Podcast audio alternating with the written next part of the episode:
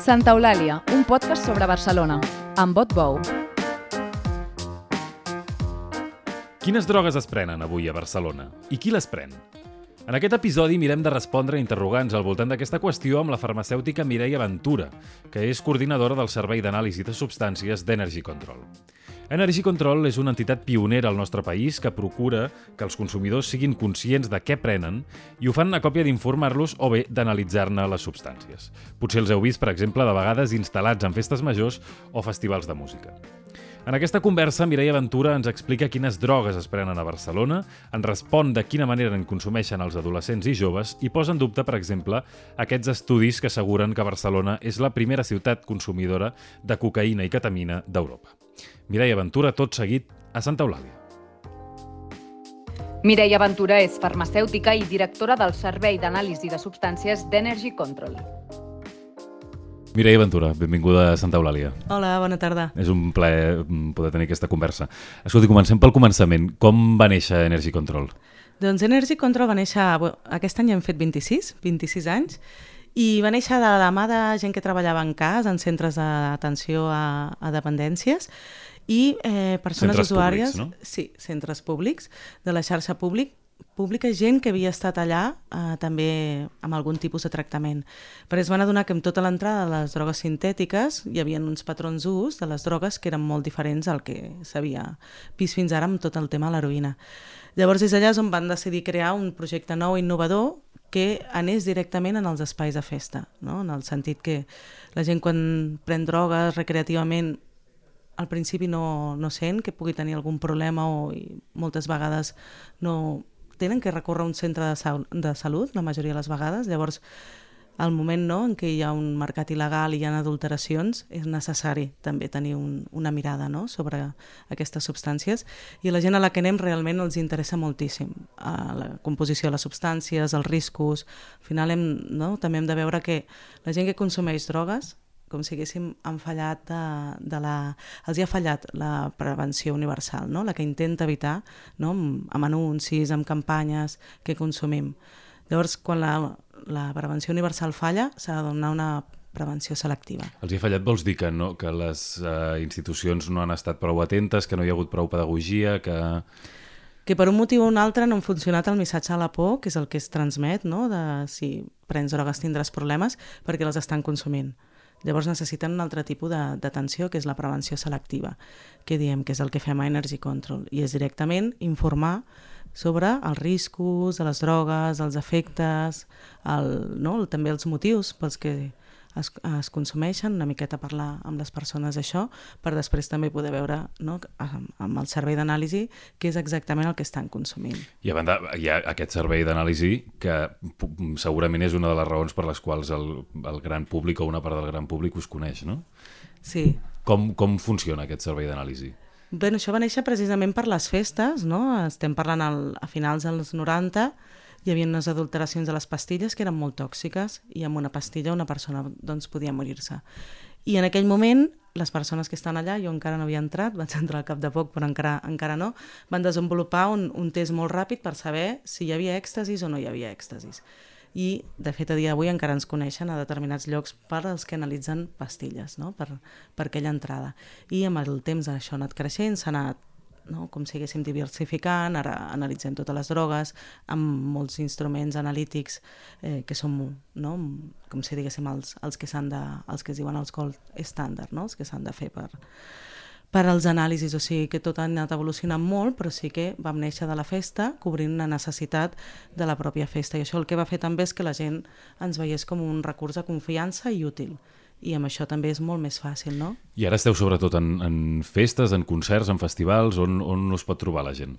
Ara estem, a la ciutat de Barcelona podem atendre les persones, a la nostra web està la informació de com fer-ho, i també en algunes festes i festivals, en també festes eh, d'aquestes que es fan més alternatives, no? que ens poden avisar i podem anar-hi. O sigui que una miqueta ens movem en els espais on, on ens criden i on també és necessària aquesta intervenció. És a dir, el, el, el contacte us el fa tant l'organització d'un gran esdeveniment eh, com un particular, suposo que us el pot mm. fer, com, un, eh, no sé, com una, una institució pública, una administració?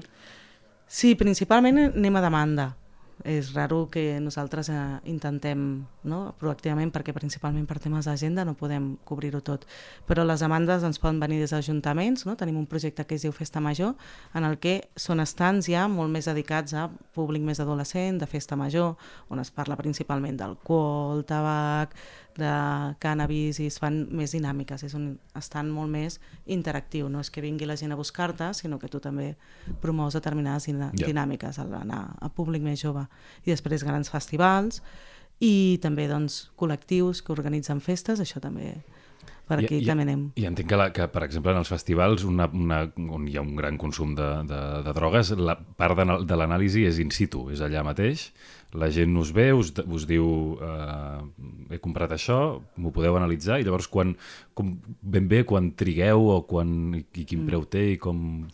Bueno, això és una, gràcies a una subvenció també que tenim del Departament de, de Salut Pública de Catalunya del, del Departament de Drogodependències, de la part de drogodependències, de poder implementar els estants d'Energy Control en els espais oci i també pues, tenir el nostre servei d'anàlisi.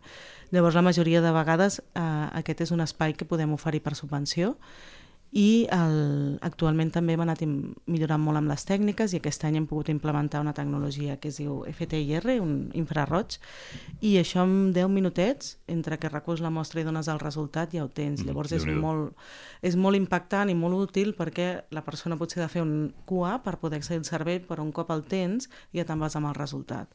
Abans havíem de, no, necessitàvem mitja hora, una hora, la gent havia de tornar amb el número, no? i a l'implementar aquesta tecnologia tot ha anat molt més fluid, molt més fàcil, no? és molt, molt més útil parlar de les drogues exactes que prendràs aquesta nit.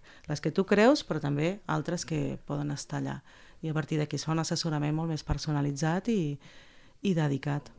I un test, per exemple, d'una pastilla o d'una mica de cocaïna que surt malament, per entendre'ns, com, com ho pareu a partir de llavors? Què li dieu a la persona? Bé, nosaltres al moment d'informar a la persona eh, que la persona pot preguntar, però en el moment en el que ven a analitzar ja saben que això pot passar. Llavors la majoria, però quan dic majoria t'estic dient 98-99% de les persones no ho consumeixen. Si no és allò que busquen, a no ser que sigui algú que dius, ah, bueno, potser això sí que m'interessa, però la majoria de la gent descarta l'ús i si està molt adulterat, igual o, o Clar, però vosaltres no teniu dret a retenir-ho, per entendre'ns. No. Només és un servei d'assessorament. Hm. Hi ha fins i tot gent que ens diu que ho guardem, però preferim que ho tirin perquè no, al final la possessió no podem tenir-la nosaltres. Nosaltres, o sigui, estem no, com si haguéssim operant amb aquestes substàncies perquè estem dins aquest, que, aquesta, com si haguéssim excepció, no? en què per temes de monitorització salut pública, però clar, d'aquí emmagatzemar les substàncies no té sentit. No, no és tan general aquesta mentalitat, eh, diguem-ne, poc punitiva o poc eh, persecutòria no? amb, envers les drogues en aquest país? És molt més... Eh, com si haguéssim estar molt més present del que està en altres països europeus o fins i tot en altres parts del món. A nivell de reducció de riscos i danys sí que no, fa uns 30 anys que va començar tot amb el grup IG, després seguint no, amb la fundació i projectes com Energy. Clar, hem fet una obertura de ment des de fa molts anys que això es nota tot i això no està en població general, però sí que la població no, selectiva que consumeix sí que ens coneix i sí que no accepta aquest tipus de missatges. No? A vegades en altres yeah. països, fins i tot als Estats Units, està costant que entri la reducció de danys, perquè no estaven acostumats a aquest tipus de, de, no, de perspectiva amb el tema de les drogues. I llavors, diguem-ne, amb, amb l'experiència acumulada dels anys i el, i el nom que us heu anat fent, suposo que hi deu haver gent que que ve mm, a demanar-vos eh, proveïdors segurs o, o espais segurs on consumir? Això us passa? Sí, clar. Hem tingut totes les demandes que et puguis imaginar, les més curioses, però sí, clar, nosaltres amb això és el de sempre, no? Ens hem de mantenir... Nosaltres el que fem és un servei d'assessorament, informació i anàlisis, sobre l'ús de substàncies, però eh, evidentment no podem dir, ni ho sabem, eh, tampoc quins són els, els proveïdors, perquè tampoc nosaltres podem analitzar a proveïdors directament. Nosaltres, no, al final analitzem des d'aquesta perspectiva salut pública, el moment en què ja hi ha proveïdors pel mig i entrem en una altra, en una altra història. No? Llavors nosaltres atenem a persones usuàries i des d'aquí la nostra part és aquesta. Ens limitem aquí. I en la branca de la- de l'educació i de la pedagogia, per exemple, eh, he vist que aneu a, a molts centres educatius, escoles, instituts, eh, deveu estar en contacte amb molta gent jove.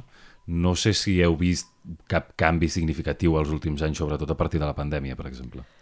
Sí, bueno, la, hi ha tota una part no, de l'equip que va per, per instituts i per centres de formació professional i sí que estem veient canvis en el sentit en què la pandèmia ho va parar tot, però ho va parar però ho va contenir, no? Llavors sí que en el moment no, en què tot, com si diguéssim, torna a obrir-se una altra vegada, sí que veiem una, una necessitat de sortir de, i de, bueno, de, com si haguéssim recuperar el temps perdut, no? Sí, I també el que estem veient és que s'estan juntant com vàries generacions i potser eh, no, determinada gent que per edat no, li tocaria una altra història, està començant, no?, veient els seus iguals, no? O, per exemple, no, que una persona que potser hagués hagut de començar amb determinades drogues abans o després, no? li arriba en un moment en el que al final no? s'estan mesclant i s'estan juntant diverses generacions experimentant no? i provant amb diferents substàncies i diferents patrons d'ús que abans no ho veiem d'aquesta manera, ho veiem molt més escalonat. Podem posar un exemple? No sé si ho entenc bé. És a dir, vol dir que el- els joves consumeixen coses que, no, que abans, es consumi, abans de la pandèmia es consumien més tard. Sí, per exemple, no, poden començar a sortir més no, amb, amb grups, com amb blogs, i a partir d'aquí doncs, començar a mesclar com més coses. No? Per exemple, el, el, amb el tema de l'òxid nitrós, potser doncs, nanos més grans estan en, introduint un, en ambients que potser abans hi havia gent més jove, Això és el que se'n diu el gas del riure, no? Sí, el gas del riure. I potser no, el, el, el tema d'introduir aquesta substància en un botellón, no? en el moment en què es veu molt d'alcohol, doncs aquí ja s'incrementa moltíssim els efectes secundaris. No? Llavors és com mesclar no? determinats ambients que eren molt més a joves amb substàncies que pertanyen a generacions una miqueta més altes, més grans, doncs aquí és on també podem tenir més problemes no? amb aquestes mescles. Això en- entenc que, que és això, eh? que amb, amb, amb grups, en moments de- d'entrompades, diguem-ne, col·lectives d'adolescents, això té bastant èxit, l'òxid nitrós, el gas del riure. Quin, quin efecte té? Com funciona? El gas del riure és un desinhibidor, per tant és una substància hilariant, no? es feia servir en circs per una miqueta doncs, simular no? a, aquests, no? aquests eh, com si diguéssim bogeries i bueno, és, un, és una substància que clar, et treu una miqueta de la realitat. És curta, però mesclada amb alcohol doncs, pot provocar determinats efectes secundaris, són dos apressors. Llavors, clar, són ambients també, no? en aquests ambients no? de festa major on hi ha alcohol que pugui entrar aquesta substància, doncs sí que és veritat que altera totalment el que és Clar. les dinàmiques i el factor de, del factor de desinhibició suposo que és una cosa que, que precisament els joves que, els va, que els va, la pandèmia els va, trobar, els va atropellar de ple la socialització, suposo que busquen especialment no? drogues que els permetin mm, alliberar-se més i, ser, i, i, perdre el punt de timidesa que segurament tenen per culpa d'aquest endarreriment. Clar, perquè al final és això, no? És com de cop tot està permès i tot està permès vol dir que s'estan mesclant determinades coses, I no no? I aquesta, aquesta necessitat de, de desinhibir-se, d'alliberar-se de, ràpid, no? Estem en un moment en què tot va molt ràpid. Llavors, a vegades es busquen substàncies que van molt ràpid, pugen molt ràpid, baixen molt ràpid, però és aquest moment de flash, no? I després ja tot torna a la normalitat. Però clar, si això ho banyem en, en ambient de botellón, amb, amb alcohol, doncs se'ns.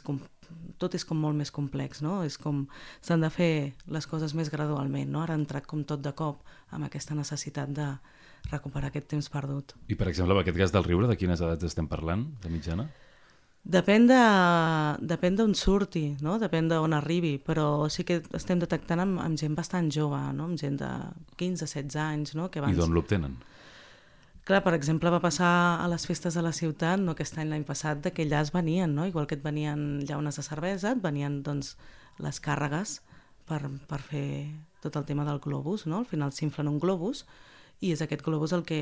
Venedors ambulants, entenc. Sí, que això no, es va poder no, a, a, adreçar, però sí que de cop en un ambient com el de la Mercè, on no t'esperes no, aquest tipus de- d'intrusió, on hi ha doncs, des de gent molt jove a gent no tan jove, clar, en aquell moment tot va ser molt, cao, molt caòtic. No? De fet, recordo que ens van demanar un munt d'entrevistes arrel d'aquella Mercè perquè no s'entenia no, en aquest context. Doncs aquests casos han estat passant no? determinades històries que t'adones que bueno, anem, sortim amb moltes ganes i com recuperant el temps perdut i al final no, mesclant moltes coses a la vegada.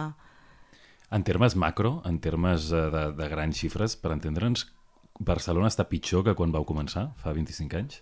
Home, si mirem xifres d'heroïna, per exemple, cons persones consumidores d'heroïna, n'hi ha moltes menys. De substàncies de síntesi potser n'hi ha més, després de cocaïna, depèn. S'hauria de mirar substància per substància, però al final cada situació i cada realitat i cada moment té la seva, la seva realitat. No? En aquell moment, quan va néixer Energy Control, era el desconeixement total de les substàncies de síntesi i fins on et podien provocar.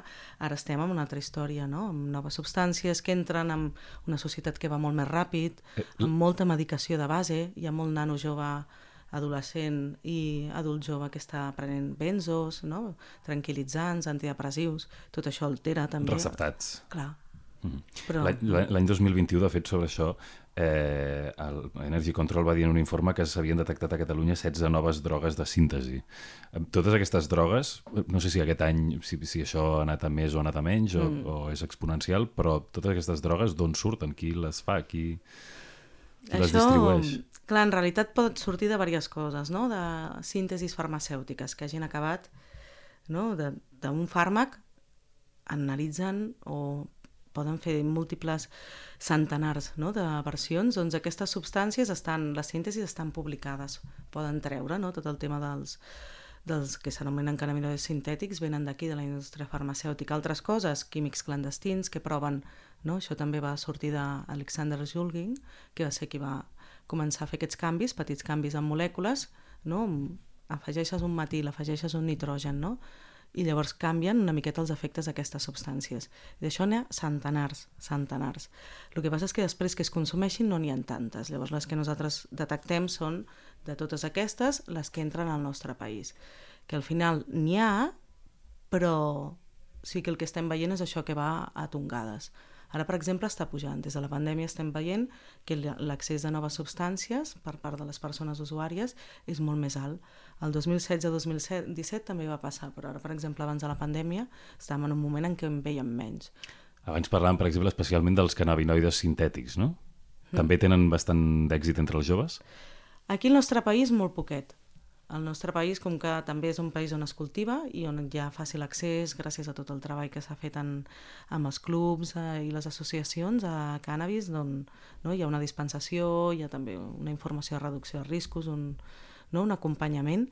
Uh, clar, les persones uh, d'aquí no, no estan buscant noves substàncies. Sí que ara estan entrant aquestes noves drogues, aquests semisintètics que es diuen, que amb vapejadors ho poden consumir però clar, d'això no en tenim estudis, no sabem exactament, també aquests vapejadors... Vapejadors vol dir vapejadors que es compren normal, diguem-ne, a l'estanc, que després els, els buiden i els reutilitzen per, per això. Sí, però part també pots trobar-los fàcilment perquè no són substàncies il·legals en aquest moment. El tema de les noves drogues és que no estan il·legalitzades les substàncies, llavors l'accés a vegades pot ser més fàcil. El gran problema que no en tenim estudis i tampoc molt menys de tots aquests vapejadors, que no cal ni que portin substància, totes aquestes glicerines altes temperatures, d'això en parlarem. Vull dir, no, no és tan no, uh, saludable com ens estan venent. No? I també el fet de que estiguin nanos joves ja amb aquests vapejadors en formes d'animals o de ninotets i que no, trivialitzin eh, el tema de vapejar, en el moment en què hi posen una substància, pues,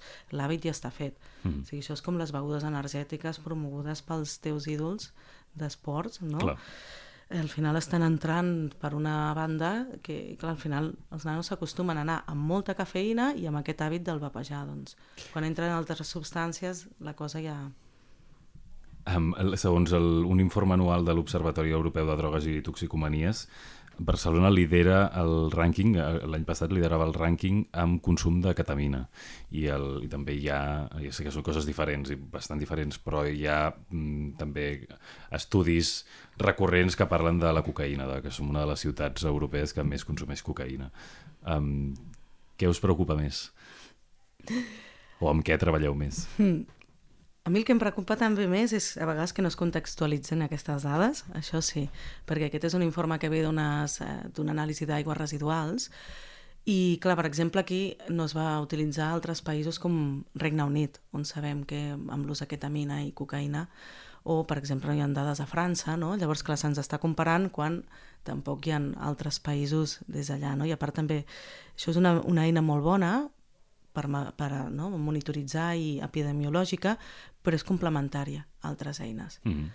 Llavors sí que no, des de sempre ja sabem que per aquí no passen també no, moltes quantitats de cocaïna per no ser al final país fronterer, però, però clar, per exemple, ara el, el, el port que està més, com si diguéssim, inundat de cocaïna és el d'Amberes, de Bèlgica. O sigui que al final això depèn molt de la quantitat de cocaïna que té entre el país. Sí que, evidentment, el consum és perquè la gent l'està consumint, però també depèn molt de la disponibilitat. Amb la ketamina que estem veient, que hi ha molta més disponibilitat a, a noci nocturn. Mm -hmm. I això també pot ser el motiu no?, per al que realment estigui, estiguem veient que hi ha més, més ús. Que siguem el país que lideri Europa, això no m'ho crec, perquè estic segura que França i Anglaterra, i fins i tot hauríem de mirar des d'Itàlia, eh, també haurien d'estar per sobre. També això s'ha de mirar on ho estan, no? en quines zones estan fent les mesures, perquè això al final és de la, de la zona de la mesura. Però identifiqueu, per exemple, que sí que hi ha un problema amb la, amb la normalització del consum de cocaïna, per exemple? El consum de cocaïna que està normalitzat ja fa anys que ho estem detectant però ara ho estem detectant amb la ketamina, això sí. Perquè a part també ha entrat el fenomen del TUSI, del TUSI-B, que part han fet molt de màrqueting per aquí, s'ha venut com a droga de l'elit, la cocaïna rosa, al final el que té és una mescla de ketamina, MDMA i cafeïna. I clar, la gent al final s'ha acostumat a aquests efectes no, de, de desconnexió que et dona la, la ketamina de, una mica de deixar anar d'una miqueta de distorsió, això mesclat amb estimulants i una miqueta amb patògens, al final la gent és, és el que està fent. Ah, no, o sigui, al final els hi hem fet la mescla que ja estàvem detectant, potser en, en espais més alternatius, l'han feta, li han posat un colorant, un saboritzant, mm. i n'han fet el nou. Això que dius, la cocaïna rosa. Sí, el tussi. Al final el que és és això, però hi ha un màrqueting darrere perquè hi ha el colorant i el, el, el saboritzant. Per quins canals es fa aquest, aquesta mena de màrqueting? Bueno, això del boca a orella, al final no és no, per internet, no, no necessitat. Això també va ser una de les drogues que es va moure més en la pandèmia. Vam veure un, un increment allà. Llavors, bueno, això és, al final és una mescla que es pot fer pràcticament a qualsevol cuina. Clar. I els que ho fan s'autodenominen els cuiners i llavors això pues, t'ofereixen en, en oci nocturn igual que et podrien oferir pastilles d'èxtasi. Edats més elevades per això que, el, que les que parlàvem al principi? Haurien de ser, Sí, home, en principi això hauria de ser a partir dels 18 anys. I normalment les drogues de síntesi 18, bueno, a vegades una miqueta abans, però nosaltres no podem analitzar abans de 18 anys, per tant, tampoc no podem... O sigui, sí que per instituts podem veure coses, però en el cas del TUSI mm. no ens costa que s'estigui consumint en població més, més jove. L'heroïna, que abans sí que dèiem que, que, ha baixat, que n'ha baixat en picat el consum, eh, ara mateix com està? Hi ha hagut cap repunt? No, a nivell de consum d'heroïna no. El que sí que estem veient és que pues, sí que hi ha determinades substàncies que s'estan utilitzant en dins d'aquesta població, no? que al final és una, una població molt més vulnerabilitzada. No? Al final l'ús de substàncies és la pica, no? el punt de l'iceberg, no? el que tu veus, però al final no? és tota una realitat molt més complexa. Però sí que estem veient l'ús de crack també i fins i tot que el crack s'està canviant a la metamfetamina però no amb, no amb quantitats ni amb mesures que facin pensar que hi, que hi pot haver una altra epidèmia o que hi pot haver un rebrot important de consum. No, no creiem que vagi per aquí. El que passarà amb l'heroïna, de moment estem monitoritzant, molt atentes també a si vingués no, tot el tema del fentanil. De moment no ho hem detectat, per tant, amb això podem estar tranquils. L'ús del fentanil al nostre país no és de la manera tan indiscriminada com als Estats Units i en el mercat il·legal no ho estem detectant. No, no és de manera tan indiscriminada, però sí que us hi heu trobat puntualment. No, com a adulterant no l'hem detectat absolutament mai. Val, per, tant, sí que... això, per tant, diguem-ne, la por aquesta que pot tenir molta gent eh, per, perquè entre sèries, llibres, els vídeos aquests que veu um, per les xarxes la gent, bueno, no sé si, si, si ho vol explicar millor, exactament, sí, però bueno... que és, és, és una droga que, que produeix aquest efecte, o que almenys segons els vídeos sembla que produeix aquest efecte com de, de morts vivents, no? de, de consumidors que deambulen pels carrers de Filadèlfia, que espanten una mica, sincerament. Sí, aquí també és eh, una altra vegada, no? Hem de fer molta críti no? molt crítics no? amb aquest tipus de periodisme perquè no ajuda. És un periodisme totalment centrat en, la, en, no? en buscar la notícia, el morbo, i en buscar els seguidors, no? Al final, el primer no? va tenir un munt de seguidors no? i ja d'altres han seguit buscant com la fama ràpida. Al final no es basa en cap dada. O sigui, aquí en, en la nostra ciutat no veiem ni més sobredosis, al contrari, han baixat aquest any. L'altre dia en passaven i el número de sobredosis era molt, molt, molt baix. Eh, tampoc estem veient que estigui en l'adulteració i tampoc estem veient pràctiques mèdiques no, d'aquestes escandaloses. Llavors, eh, clar, en aquest sentit sí que hem d'anar amb compte perquè, clar, el de la droga zombi tampoc no té molt de sentit, no? Al final, els zombis té a veure amb una altra història, no? Al final, el fentanil és una substància molt efectiva com a fàrmac. Si trenques un braç, demana la crit si t'han de moure un os, perquè el fentanil realment i tots els seus derivats com a analgèsics és el més potent que hi ha, i la necessitat d'adulterar l'heroïna en el nostre país no la tenim com en altres llocs. Clar. També hem d'entendre el context on ve tot dels Estats Units. Ve d'una realitat també on hi ha un abús de fàrmacs, on, un abús de prescripció, on, no sé si heu vist algunes d'aquestes sèries, no? que al final també ho expliquen, la indústria farmacèutica li ha fet molt de mal. Sí, hi ha una particularment bona que es diu Painkiller, que també es basa en aquest, en aquest llibre de, de Patrick Radden-Keefe, L'imperi del dolor, que explica molt bé la, el, el grau, diguem-ne, de, de planificació farmacèutica Exacte. que hi va haver amb la... És això que deia, no? que l'important és la freqüència amb què es recepta i que si es fa sense cap mena de, de fre i amb, i amb Exacte. voluntat que la gent s'hi torni addicta. Exacte, és que això no té nom. Aquest és el problema. I això, les víctimes d'aquest tipus de política i també d'aquest neoliberalisme, no? que al final, bueno, si et deixes portar... Clar, després hi ha molt d'estigma en aquell país. La gent no visita la, els centres de reducció de danys. No, no volen que el, els sàpiguen, llavors es, es consumeix sol, no es poden revertir les sobredosis. Aquí hi ha tot un context de molt bones pràctiques i molt de treball durant tres dècades. Llavors això s'ha de notar, jo n'estic convençuda. Si en tres a part estem monitoritzant, estem totalment connectats, no? tots els serveis, tant les sales de consum com no? els serveis d'anàlisis, no? el departament, la diputació, no? tothom està molt connectat, informat i en el moment en què veiem alguna cosa, si ho veiem, activarem tots els sistemes d'alerta, vull dir, ja, confiem dir, que... Hi ha, hi ha una infraestructura, diguem-ne, de, de prevenció i de coneixement Exacte. de l'ús de drogues a Catalunya que, que faria saltar totes les alarmes de cop i volta si això... Totalment, a part és que estem si en continu... També nosaltres estem analitzant a les sales de consum, gràcies també a un projecte no? subvencionat per la subdirecció. Vull dir que al final estem molt presents. O sigui, al final és un monstre que, evidentment, que fa temps que el sentim, els que, o sigui, això en trata de medis principalment aquest estiu, però nosaltres fa molt temps que estem seguint el que està passant als Estats Units i que estem pendents. També jo estic coordinant una xarxa de, de serveis d'anàlisis europea, que estem als 25 serveis d'anàlisis de tota Europa, i allà estem monitoritzant de molt a prop. I sí que veiem, per exemple, que al Regne Unit, a, sobretot a Escòcia, hi ha consum d'unes noves substàncies opiàcies, opioides, que no són ni fentanil, són encara més noves. I això sí que sembla que ja està començant a fer mal, mm. i estem pendents. Però al final també és un tema d'equilibri de, entre l'oferta i la demanda. Dir, al final, si entra suficient substància per, no, no, per cobrir més o menys la demanda, no és necessària tanta adulteració. Clar. També allà el que ha passat és que la demanda ha estat tan forta que no han pogut cobrir. Llavors adulterants com aquests han anat molt bé. Clar. Però clar, si se t'escapa a les mans... Hi ha una altra substància que, que almenys fa de mal dir parlar-ho personalment, però a, a mi em sembla detectar que, que, que torna a estar molt de volada, que és el popper. Uh, que, heu detectat un, un ús uh, extraordinari del popper, vosaltres?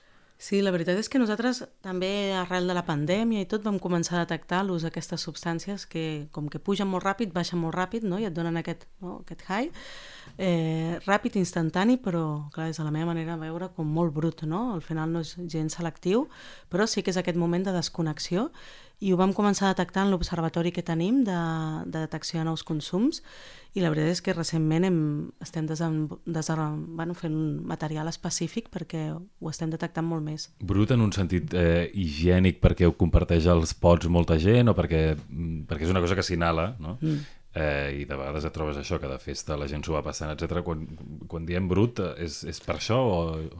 No, amb la brut, perdona, aquest és un més un... No, No, no, perdó pel meu desconeixement del, del, de l'argot i el tecnicisme. En tot no, cas. no, perquè en realitat no és tecnicisme, eh? però és com, jo, ho- és més au- autodenominació, no? Al final hi ha substàncies no? que són com molt dirigides, no? Altres substàncies que potser et donen més psiquedèlia van molt més dirigides a un tipus de, visu, de visions, a, no? o l'èxtasi et dona un tipus d'efectes més empatògens, de connexió, però això és com una desconnexió, no? una miqueta de, no? de pujada, però no és res que, que brut em referia com molt vasto, no? Sí. Al final, com la majoria dels inhalants funcionen així, no? És com, no van directament a un, a un receptor en concret, llavors és com aquesta desconnexió que es veu que no, ara la gent li està agradant, no? sobretot la gent jove i tal, que els agrada aquesta pujada ràpida, baixada i després seguim com si no hagués, no hagués passat res. I aquest, I aquest model de drogues mm, l'identifiqueu de manera general, eh? Que... Sí, nosaltres ho estem identificant amb més i més freqüència. Al principi va començar amb gent més jove, però ara també amb, amb gent més gran. O sigui, veiem que clarament ha entrat en, en ambients recreatius el popper. Pel que fa a la marihuana, que de vegades serveix mm, sobretot de porta d'entrada en altres, eh, en altres drogues o al món de les drogues en general, no sé com ho veieu.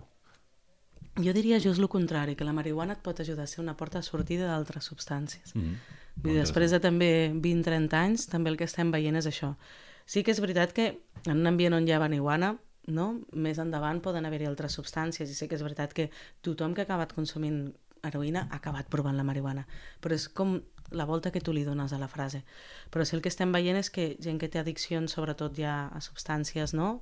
amb un perfil molt més difícil, com podria ser un crack, metamfetamina, l'ús de marihuana, tant no? o papejada o embolis, els pot ajudar a combatre molt el que és el, el síndrome d'abstinència, a no? sentir-se més relaxades, més... O sigui que ara el que estem plantejant és això, que potser és una porta de sortida. I mm, tants anys com porteu dedicant-vos a això, per exemple, ha canviat la vostra, mm, la vostra opinió, la vostra posició, o, o demano personalment, eh, sobre la legalització o sobre la relació que tenim amb les drogues? Totalment. Jo personalment crec que la regularització ens ajudaria en moltíssimes coses, no? Per exemple, la marihuana, per molts problemes que dongui, és una substància molt, molt ben estudiada i és una substància també amb molt de potencial, no? A nivell mèdic, a nivell també, no? Fins i tot recreatiu, creatiu, no? Vull dir, al final té molta potencialitat.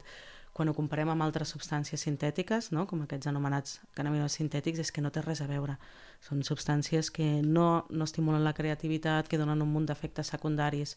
O sigui que és tot el contrari. No? I la gent, si té, i això ho hem vist, al nostre país, marihuana no buscarà les altres substàncies. Amb el tema dels fentanils, si hi hagués un ús, eh, un ús eh, d'heroïna, no? el que es diu eh, l'ús compassiu d'heroïna, no? amb gent que ja porta doncs, molts anys consumint heroïna, no hi haurien problemes amb el fentanil, perquè la gent podria tenir la seva heroïna i al final també amb la gent que consumeix heroïna els principals problemes és perquè no tenen diners per pagar el que costa el mercat negre. Si aquestes persones poguessin tenir-la com una medicació, no? al final això s'està promovent molt a Canadà, sobretot i als Estats Units, el Safe Supply, que les persones que tinguin una addicció puguin tenir el seu, el seu medicament, no? que al final és una substància en aquests moments il·legals, però això facilitaria un munt moltíssimes coses.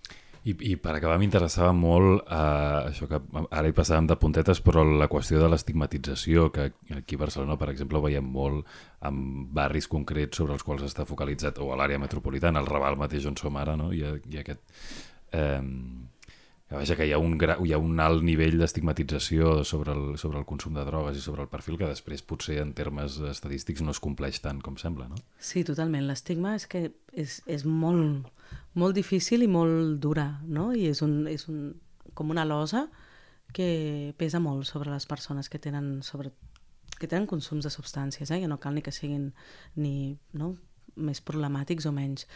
I també és que el propi Raval ja té l'estigma, no? Això a l'estranger, no? Sembla que visitar el Raval de Barcelona sigui una de les activitats de risc mm. més grans a, en aquests moments, no? És com, hi ha tot l'estigma, no? Recau sobre les persones, però també sobre el, la pròpia zona, no? Llavors ja tot això no, no, no ajuda perquè es retroalimenta també. Però no, l'estigma l'únic que fa és fer-se sentir malament a la persona i, i que la persona no es cuidi, no? Al final també hi ha molta gent no? que pot dir-te ja bueno, com que ja sé que és dolent prendre drogues, ja és igual com ho faci i aquí és una mica on entrem nosaltres, no?